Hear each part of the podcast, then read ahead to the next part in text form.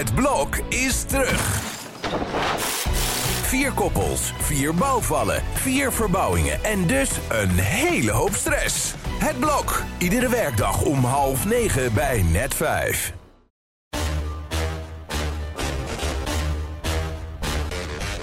Dit is Strik Privé. De dagelijkse showbiz-update met Evert Zandgoeds en Jordi Versteegde. En daar zijn we met aflevering nummer 200, Evert. Nou, gefeliciteerd, Jor. Het is toch, hè? Het is voorbij gevlogen. Ja, ik heb- ik heb- 200 keer.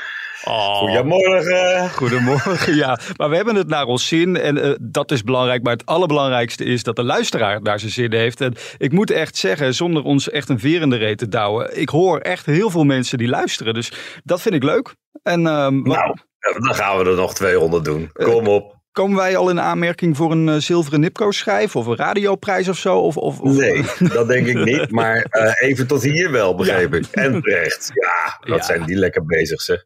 Ja, mooi hè, die mannen. Afgelopen weekend nog hè, hadden ze een liedje eh, rondom Margje fixen. Nou, we hadden het daar gisteren al over natuurlijk in de podcast. Hè, dat bij- bij op één, dat, dat ging helemaal mis. Ja, dat soort momenten. Ik vind het zo knap dat die mannen iedere week met hun team natuurlijk... Ja, zo bovenop die actualiteit...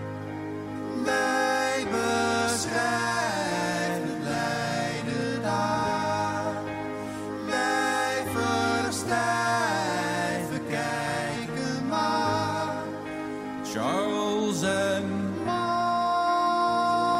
je fixen?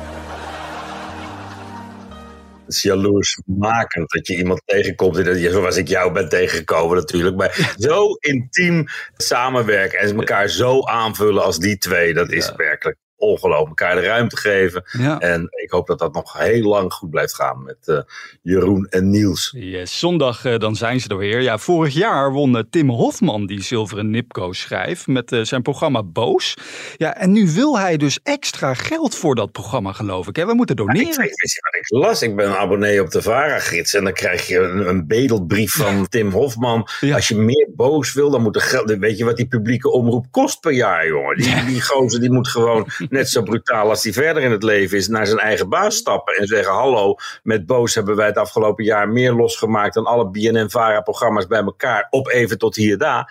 En eh, geef ons maar budget om meer boos te maken. Maar je gaat toch niet je kijkers vragen... of je alsjeblieft geld mag hebben om nog boos te mogen maken. Ik, ik denk dat die 1,7 miljard die er naar de publieke omroep gaat... dat dat toch wel afdoende is om daar ook af en toe met een camera voor op pad te gaan. En boos te maken. Nee, dit staat Tim Hofman totaal niet.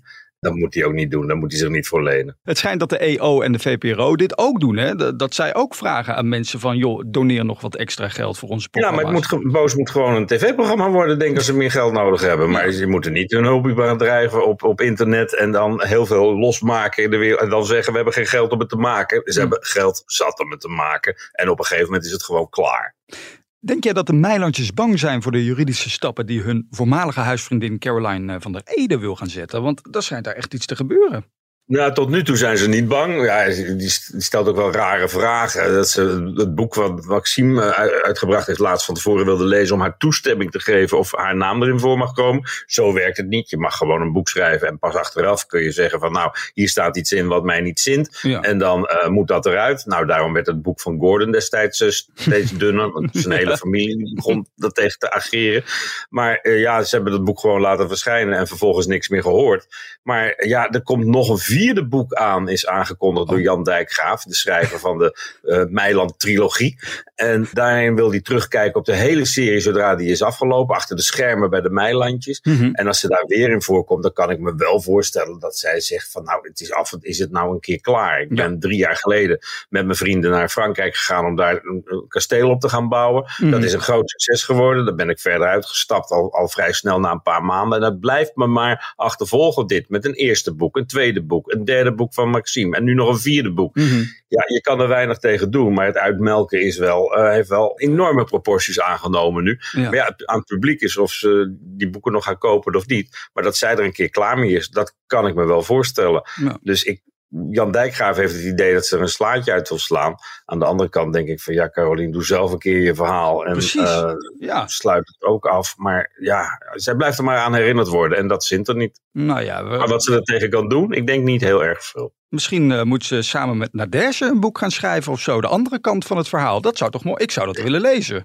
Ja, en kijken hoe leuk de meilandjes dat dan eh, vinden. Dat, zou- dat zou kunnen. Ja. Nou ja, wij maken vandaag aflevering 200. Eh, dat voelt ook zo bij de podcast van de Koning. Heb je dat niet een beetje? Het duurt zo lang, die podcast met Ja, Edwin. het duurt wel heel erg lang. Ze komen, nu- zijn nu pas bij Griekenland aanbeland. Waar, waarvan ik dacht, dat had nou echt, echt in aflevering 1 willen zitten. Wil je die podcast op, op de kaart zetten. Maar ja, hij ziet wel in dat dat een verkeerde inschatting geweest is destijds. Nou, dat is mooi. Drie jaar later. en verder is ook alles daar zo langzamerhand wel over gezegd. Maar het Ja. blijft heel erg aan hem kleven. En dat idee heeft hij zelf denk ik ook wel. Edwin Evers had er wat moeite mee om to the point te komen met zijn vraag. Ja. Maar het is, eh, ja, het hoge woord is eruit. Het was niet handig.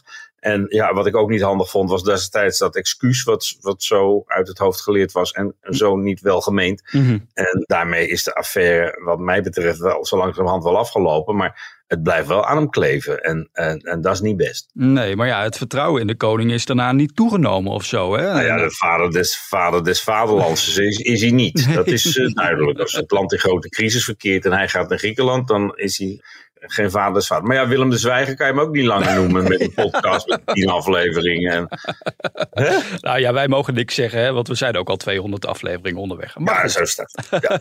we gaan het nog, toch nog even over jouw vriend Jan Smit hebben. Want eh, jij maakt je een beetje druk over wat hij nou verdient, geloof ik. Hè, met al het commentaar. Nee, ja, ik, ik, ik vond het zo slecht wat hij van de week zat te doen in dat hok. Echt, er kwam geen zinnig woord uit. En hij heeft zich volstrekt belachelijk gemaakt met die fantastische afkondiging van, van, van die twee van ons. met, met zijn loepzuiver. En ik denk, wat, je moet er gewoon eens aan de WOP gaan vragen wat zo'n man daar nou voor krijgt voor een weekje in Liverpool. En het zou me niks verbazen als dat 30, 40, 50.000 euro of zo is. joh. Maar dat kun je allemaal... zoveel geld. Zoveel geld. duur. Jan is duur. En hij heeft natuurlijk een heel project aan. Hij heeft natuurlijk een contract bij Avotor. Misschien valt het daaronder hoor. Ja. Maar het is toch heel leuk om eens uit te zoeken waar, waar, waar ons belastinggeld blijft. Ja. Het is zo tenenkrommend slecht.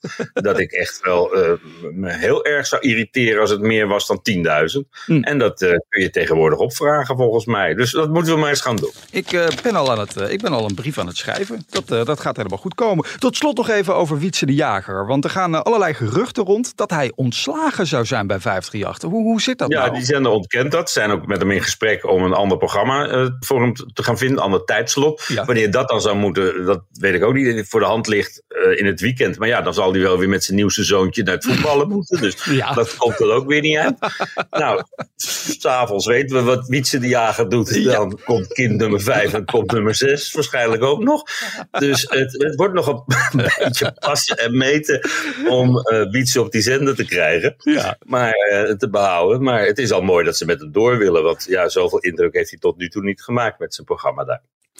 Goed, wij eh, zijn er weer doorheen eh, voor deze 200ste op donderdag 11 mei. Ja, dan is het morgen automatisch weer vrijdag. En dat betekent dat jij weer je vragen mag stellen aan Evert via een WOP-verzoek of gewoon via de mail podcast.telegraaf.nl. Nogmaals Het gefeliciteerd. fijn dat die luisteraar het volgens jou leuk vindt. Maar dat geldt niet voor Jan en Wietse vandaag, denk ik.